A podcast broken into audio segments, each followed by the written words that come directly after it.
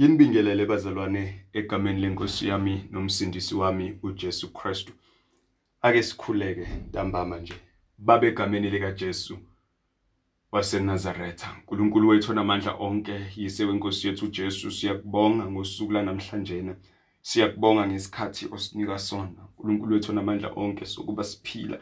uNkulunkulu wethu ongcwele nasesikhathini esibhlungu kanjena lapho Nkosi yami masivuka ekseni sihlale sibuka njalo uNkulunkulu wethu ongcwele abakhalayo bememezela ngokudlula kwabathandiweyo wabo. Sibonga Nkosi yami ukuthi usasigcinile. Sibonga Nkosi yami ukuthi usasilondoloza. Phinde Nkosi yami ukusigcina, phinde Nkosi yami ukusivikela, uphinde Nkosi yami ukusithwala egameni lika Jesu. Ukhumbule nalabo abafihla izihlobo zabo uNkulunkulu wethu ongcwele, nalabo abagulelwayo egameni lika Jesu bahambele abagulayo baphulukise. Egameni lika Jesu usheshisa isikhathi inkosi yami senjabulo. Baba siyathandaza egameni lika Jesu sicela nkosi yami ukuba usizwele kulobhlungu edlula kubo egameni lika Jesu sisindise sivikele uNkulunkulu wethu ongcwele sithembe kuwe. Baba wethu onamandla onke sibheke kuwe njenganenkosi nomsindisi wempilo yethu. Baba wethu onamandla onke nakulesi sikhathi nkosi yami phinde ukudumiseke ukubongeka uphakamiseke ngoba wena ungcwele futhi uyaphila egameni lika Jesu Kristu. Ntambama nkosi yami sizolalela izwi lakho khuluma ngalo kithina namhlanje na ngoJesu Kristu inkosi yethu kusuka manje kuze kube kuphakade. Amen. Bazalwane namhlanje na izwi lenkosi sizolithola encwadini yamahubo isahluko sokuqala. Amahubo chapter 1 eh sizolifunda lonke ihubo 1 ngoba vele ihubo nje elifishane. Eh amahubo isahluko sokuqala verse 1 to verse 6 lapho kufundeka khona kanje. Ubusisiwe umuntu ongahambi ngezeluleko zababi ongemi endleleni yezoni ongahlali enkundleni yabakolodayo. Kepha okuthokoza kwakhe kusemthethweni kaJehova ozindla ngomthetho wakhe imini nobusuku. Unjengomuthi otshaliwe ngasemfuleni yamanzi othela isithelo sawo ngesikhathi sawo oqabunga lawo lingabuni nakho konke akwenzayo uyakuba nenhlanhla kubo ababi abanjalo. Kepha banjengamakhoba aphephethwa ngumoya ngalokho ababi abayukuma ekwahlulelweni nezoni ebandleni labalungileyo. Ngokuba uJehova uyayazi indlela yabalungileyo kodwa indlela yababi yobhubha. Amen. Baba izwi lakho leli linamandla linguwe isibili liphefumulelwe nguwe. Khuluma ngalo kithina ntambama nje ngoKristu Jesu inkosi yethu. Amen. Bazalwane la esifunda khona sifunda ihubo lokuqala. Abaningi ke bayalazi kukhulunyiwe kakhulu ngalo ihubo elisethela impilo ukuthi kunenhlangothi ezimbili zempilo uhlangothi labalungilile nohlangothi labantu ababi. Leli hubo ke lisibhekela lezi inhlangothi zombili zibheke kuNkulunkulu ukuthi obusisiwe ilo obuka umthetho kaNkuluNkulu ebese uyamthokozisa. Kanti oqalekisiweyo eh noma ozobhubha ondlela yakhe iya ebhubheni ongalandeli eh, izimiso zikaNkuluNkulu. Lisho nje kanjalo leli hubo lithi ubusisiwe umuntu ongahambi. Bese lithi ababi abanjalo. Ngamanye amazwi lithi liqonda ukuthi ubusisiwe umuntu ohamba kanje noma liqonda ukuthi abahle bahamba kanje bese kuthi ababi abahambi kanje. Lithi ke ubusisiwe umuntu ongahambi ngezeluleko zababi ongemi endleleni yezo okusho ukuthi lokhu kusitshela ngempilo yabantu ababili nganye ukuthi omubi uhamba ngeziluleko zababi. Futhi uma endleleni yezoni futhi uhlala kuphi enkundleni yabaqolodayo kepha omuhle unjani akahambi ngeziluleko zababi akame endleleni yezoni akahlali futhi enkundleni yabaqolodayo ukuthokoza kwakhe kusemthethweni kaJehova uzindla ngomthetho wakhe imini nobusuku. Mhlambe singakaqhubeki kakhulu mzalwane lokhu kuba isibuko. Kusheshe kukuvezele masishe ukuthi wena uhlobo luphi lomuntu kungabe umuntu omuhle noma ungabe umuntu omubi na? Lithi iBhayibheli omubi aka uhamba ngeziluleko zababi. Omubi mebuka umthetho kaNkuluNkulu ubuka umthetho kaNkuluNkulu njengento ecindezelayo. Uma ebuka umthetho kaNkuluNkulu ubuka umthetho kaNkuluNkulu njengomyalo ophikisana namalungelo akhe njengomyalo ompintshisana nempilo yakhe noma nendlela yakhe yokuziphatha. Kodwa lithi iBhayibheli omuhle ubuka ukuthokoza kwakhe kusemthethweni kaNkuluNkulu. Injabulo yakhe noma impilo yakhe uyisethe ngemthetho kaNkuluNkulu. Ubusisiwe ke lo muntu ongahambi ngezeluleko zababi nongemi endleleni yezoni. Ongahlali enkundleni yabaklolodayo kepha okuthokoza kwakhe kusemthethweni kaNkuluNkulu ozindla ngomthetho wakhe imini nobusuku. Leli iBhayibheli lo muntu ke ozindla ngomthetho kaNkuluNkulu ongahlali endleleni yababi ongaklolodeli ongekho kulabo ababalisayo ongekho kulabo abaklolodayo abeyisayo abangamlaleli uNkuluNkulu abangalinakizwi likaNkuluNkulu. Leli iBhayibheli lo muntu unjengomuthi otshaliwe ngasemfuleni yamanzi othela isithelo sawo ngesikhathi sawo oqabunga lawo alibuni. Nokho nakho konke akwenzayo uyakuba nenhlanhla kulo. Ngifisa abazalwane ukuthi kulesikhathi esiphila kuso. Kulesikhathi sobunzima kulesikhathi sobuhlungu kulesikhathi esibalisa kuso kangaka ukuthi saze sabhekana nenkinga saze sahlupheka saze sashayeka sibuke amandla kaNkuluNkulu sibuke indlela esibusiseke ngayo thina esikholwa nguye. Ke singabheki manje ukubalisa nezinhlupheko nobuhlungu obukhona emhlabeni kodwa siduduzeke ekuthenini we are so blessed ngokuthi sithembele kuNkulunkulu. Kakhulu and sithela izithelo njengomuthi owakhiwe noma omile ngasemanzini. Ngifuna sibheke impilo yethu ukuthi nangesikhathi sokuba engabe siyabhocobala nangesikhathi sokuba engabe siphathwa amahloni noma impilo yethu nje iyashabalala noma ithemba liyadikibala noma asinako kuhle singakuveza sibuke lokhu ukuthi nakho kuhle sikwenzelwe nakho okukhulu esinako ukuthi singabantwana bakaNkuluNkulu. Njengalokhu singabantwana bakaNkuluNkulu sifaniswa njenganomuntu umuthi omile ngasemanzini othela izithelo ezilindeleke kuwo esikhathini sehlobo noma esikhathini sobusika othela izithelo eh kungesisi isikhathi esihle othela izithelo obuyisa ithemba man. Obuyisa ithemba kuyisikhathi sokuthi ithemba lishabalale obuyisa ithemba kuyisikhathi sokuthi ithemba likho. We are so blessed, we are so privileged ukuthi singabantu abanjalo. Uma sithokoza ngomthetho kaNkuluNkulu sizoba nenduduzo enjalo ngalesikhathi. Sizoba nokuzibonga okunjalo ngalesikhathi ukuthi uma uNkulunkulu engakithi noma kwenzeke okwenzakalayo kodwa uNkulunkulu usimisile wasenza saba ngabahlukile.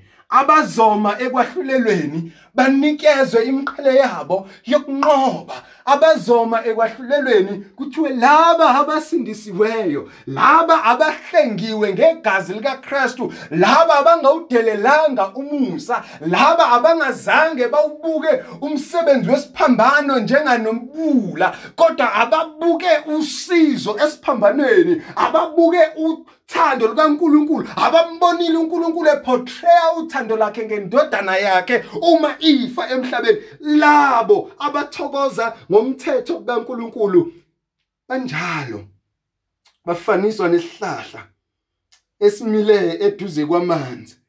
Omaqabunga aso awaboli. Ah nkosiyami kuyilesikhathi esinjena sikwi dry season. Kodwa kwi-dry season asikwazi amaqabunga ethu ukuthi abole. Sikwi-dry season asikwazi ngisho ukuphuma siyohlangana siye enkonzweni kodwa sihlala sivuselelekile kuyona le dry season ngoba sikholiwe and masubuka umthetho kaNkuluNkulu sisodwana endlini uyavuka leya mvuselelo kuyavuka lokuyakhola ukuthi cha man asisodwa nakulesikhathi esinjena. Cha man asishiyiwe noma kubhlungu kanjena kwehleka noma si sivuka ekuseni njalo ngeindaba ezibhlungu kodwa nangu unathi. Yabona leli bible lona onjena eh ozithokozisa ngomthetho kaNkuluNkulu unjenga nomfula yebo otshaliwe eduze kwamanzi. Ngakho ke umaqabunga akhe anjani? Awaboli. Ngithi mina lo muntu lo onjena lo muntu uSamuel akhuluma ngayo ufana nomreformed othi induduzo yami isekutheni ekuphileni nasekufeni. Angisesiye owami. Lona onjena ozithokozisa ngemthetho kaNkuluNkulu unaleyo nduduzo man ukuthi noma ngiphila noma ngifa ngingowenkosi. Noma kuyisikhathi esinjena noma kunjani ngiphelele man ngoba ngikuNkulunkulu angikwazi ukuba njengomuntu odry angikwazi ukuba njengomuntu ongenathemba. Nginethemba ehluphekweni nginethemba kulompofu esikubo nginethemba ngiyathemba ngiyamethemba othembisayo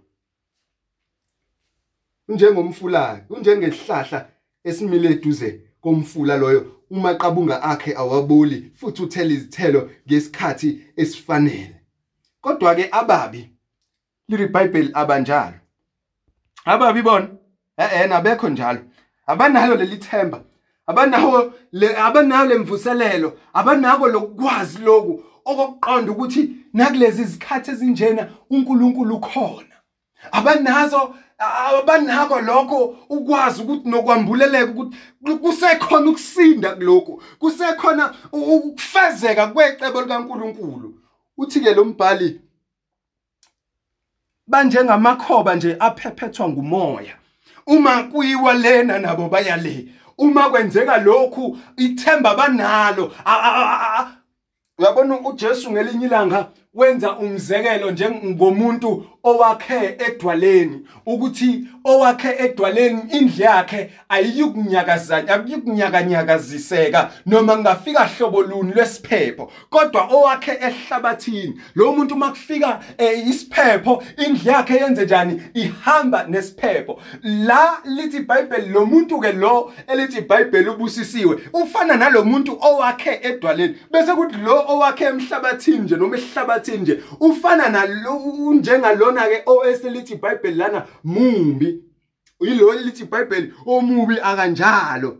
Loyo ke wakhe emhlabathini nje ongekho solid akakhile on a solid rock. So lo muntu lo makufika isiphepho uyavunguza nje njengomoya njengoba lisho iBhayibheli lifana namakhoba aphephethwa umoya adlulayo nje ayele amawuyisa le umoya uyale mawuyisa le umoya uyale.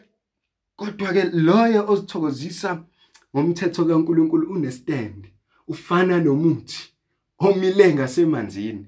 Bazalwane nanti ithemba esinalo naku uqiniseke esinako nasi isibindi sethu nansi induduzo yethu evalweni esihleli kulo eh sisaba ukugula kwenzeka konke okwenzakalayo. Kodwa nanti ithemba ukuthi nakulesi sikhathi esinjena asibola amaqabungetha waboli imvuselelo kuthina izucisha kodwa izovutha njalo ngoba sifana nomuthi omile eduze kwamanzi. sikuKristu Jesu njoba sikuKristu Jesu sikwazi ukuhluma sithela izithelo zothando khona kulesimo sikanje siqeda uthando. Sikwazi ukuthela izithelo zikamoya lezi akhuluma ngazo uGalatians chapter 5 kodwa ke lo omubi yena uthela lezi ezithelo akhuluma ngazo uGalatians chapter 5 naye eh ku verse 19 ukuthi imisebenzi yenyama loyo komubi ukuthela leyo msebenzi yeminyaka ungahamba uyoyifundela uGalatians chapter 5 verse 19 bese mawufika futhi lapha ku22 uqhubeke futhi ufunde ke izithelo zikamoya ukuthi ke sihluke kanjani nabantu ababi. So kulesikhathi sethu ngifuna ukuzothi mina namhlanje ubusisiwe loyo ngoba unethemba. Busisiwe lo muntu othemba uNkulunkulu wakhe ongahambi ngeziluleko zababi ongema endleleni yezoni ongahlala enkundleni yabakrolodayo kepha ukuthokoza kwakhe kusemthethweni kaJehova ubusisiwe. Ngoba kulesikhathi esinjena uthi mebuka noma efunda iBhayibheli lakhe libuye ithemba. Kulesikhathi esikanjena uthi mebuka izwi likaNkuluNkulu alibuye ithemba. Uthi mehamba ekusuku azilahle enkosini. Uthi mekwenzeka konke okwenzakalayo athi mina intokozo yami isekutheni nangisiyo kwami. Okwenzakalayo namhlanje nakusasa kodwa kwenzeka nje. uNkulunkulu uyazi. Ngoba phila kwami. Angiseziphathele kona. Phila kwami akusekho ezandleni zami kodwa omubi uyatatazela omubi akazi ukuthi amephi. Omubi akazi ukuthi ahambe kweyiphi indlela. Ngobani? Akanaye umuntu ozomphathela akanaye umuntu ozombambela ngendlela. So ke ababa banjalo kepha abanjengamakhoba aphephethwa ngumoya. Alokho ababi abayukume kwahluleleni nezoni ebandleni labalungileyo. Ngokuba uJehova uyazazi izindlela indlela yabalungileyo kodwa indlela yababi yobhubha. Siyoma ngisho kwahlulelweni naye enye into esenza sibe firm nenza ukuthi sigcile ukuthi siyazi ukuthi noma sisuka kulesikhathi sanamhlanje noma kuphela okomzimba walokula kwanamhlanje siyazi ukuthi sinekhaya ngalena. Siyokume kwahluleleni. Asiyokuyumiswa imisebenzi yethu emihle kodwa siyomiswa umsebenzi omuhle kaKristu awenze esiphambanweni. Uyobe emkhumbuza ubaba wethu ukuthi namba Nkosi yami engabafela. Lokho abhala ngako umbhalo wesambulo ukuthi ibona laba abavela emhlabeni ababenqoba bethembe igazi lemvani ibona laba aba thembe umthetho namabuka umthetho kaNkuluNkulu ebese kuba ukuthokoza kubona ukuthi ayethi indaba ayipheleli lana. Okwethu ukukholwa akukona okwesikhathi samanje. Asilungisi imizimba yethu for isikhathi samanje kuphela. Kodwa nangesikhathi esizayo ukuze siyokwazi ukuma phambi kwehlalo sokwahlulela. Kodwa ababi inkosi yami abanjalo. Ngiyancenga bazalwane ngomoya kaNkuluNkulu. Ningabi ngababi kodwa ibani ngalabo abakhathalela ukuba basinde olakeni olukhulu oluzayo namuhla ukuhlupheka esikuzwayo kuncane usize siluzwayo luncane compared to usizi ekuyiwa kulo kulabo abangamkholwa uNkulunkulu nabangafuni ukumlalela uNkulunkulu. Phenduka. Phenduka ngokuba umbuso kaNkuluNkulu usisondele. Ilo umyalezo kaKristu Jesu, ilo umyalezo esiwushumayelayo ukuthi asithokozi kuphela ngokuthi sibe bahle sodwa, sihambe isondo, kodwa sithokoza ngokuthi nomakhelwana azuzeke, nomngani kamakhelwana azuzeke, nomakhelwane kamakhelwana azuzeke, aphenduke naye oza kubonga amandla kaNkuluNkulu ukuthi nami sengifana nomuthi owakhiwe noma omilile eduze kwamanzi. Ohlala uthela izithelo. Ababi ke abanjalo kuyakuncenga ungabi omubi. Ungabi ungabi omubi kodwa iba ozohamba ngendlela ekahle. Iba ozohamba ngobuqotho iba ngozohamba aphokophele phambili iba ozohamba abuke indlela yakhe egxilisile kuKristu Jesu. Iba njengabantwana bakwaIsrayeli abathi uMose meyiphakamisa inyoka yethusi bayibheka basinda. Iba yiloyo ozothi ngifuna ukusinda. Iba yiloyo ukuthi noma ngingasindanga kulesikhathi sanamhlanje kodwa ngibe osindayo esikhathini esizayo bhekani kuKristu engumhlengi bese bese nophiwa amandla. Iyobalula indlela lena. Niyofaniswa nani? Ungavumi ungavumi ilwa. Ungavumi ukuba ozohamba ngendlela yababi. Ame endleleni yabaqolodayo kodwa iba yiloyo ozozithokozisa ngomthetho kubaNkulunkulu ukuze uyoma nasekwahlulelweni ukuze uyoma uqinile ukholwa. Wazi ukuthi umsebenzi kaKristu ukuzozile ngokuba uNkulunkulu uyayazi indlela yabalungileyo nendlela yababi iyophupha. Loyo umyalezo enginawo namhlanje na ukuthi ubusisiwe lo muntu. Nawe kiba ngobusisekileyo namhlanje mayinibusisa inkosi bazalwane emakhaya eh sisakhuleka nje egameni lika Jesu asikhuleke. Baba wethu ongcwele yise wenkosi yethu Jesu mdalo wezulu nomhlaba mnini amandla onke. Phakama nkosi yami kusihlwa nje egameni lika Jesu udumiseke libongeke lakho igama ezizweni zonke. Phakama nangalesi sikhathi uNkulunkulu wethu onamandla onke ngiyazithoba phambi kwakho. Sibonga Nkosi yami isikhathi esihle sokuzwa ngezwi lakho. Sibonga Nkosi yami isikhathi esihle Nkosi yami ukuba usabele. Usikhumbuze Nkosi yami ngenduduzo esinayo. Nanokuthi Nkosi yami sibusiseke kangakanani ngokuba ngabantwana bakaNkuluNkulu. uNkulunkulu wethu onamandla onke umkhuleko wethu ukuthi Nkosi yami singabukeki nje siyabantu abangcono ngoba sithi sihamba isonto. Kodwa Nkosi yami uzufinyelele nakulabo Nkosi yami abangazani nawe egameni lika Jesu kuba baphenduke bazwe Nkosi yami lobumnandi nalokubusiseka babe nale nalokugxiliseka Nkosi yami kulesi sikhathi egameni lika Jesu kusawumkhuleko wethu kusayisicelo sethu sokuthi Nkosi yami mbona izwe lethu. Buka Nkosi yami uNkulunkulu wethu onamandla onke ukukhandleka kwethu ebese uyahambela uNkulunkulu wethu onamandla onke abagulayo bonke ezibhedlela emakhaya abaphelelwe yithemba. uNkulunkulu wethu ongcwele nabazibuza ngethemba labo kulesikhathi egameni lika Jesu sivikele usivuselele egameni lika Jesu ebese liyafezeka icebo lakho ebese uyafezeka umbono wakho. Egameni lika Jesu hamba ke ngosiyami nezimpilo zethu sigayide egameni lika Jesu uvikela abangcwele bakho uvikela amakholwa akho uvikela ababizwa ngegama lakho. Size sibuye sihlangane ngosiyami egameni lika Jesu wandise nebandla lakho sikhonze sithokoza sesikwazi ukuhlanganyela ndawonye. Sikhonza ngosiyami singenasigulo emzimbeni yethu. ngoJesu Kristu inkosi siyacela lokhu phakama nangalesi sikhathi kusukela manje kuze kube kuphakade. Amen. Musa nothando oluvela kuNkulunkulu Baba inhlanganyelo kaMoya oNgcwele makube nathi sonke kusigcine kusilondoloze kusivikele azabuye uJesu Kristu inkosi yethu. Amen.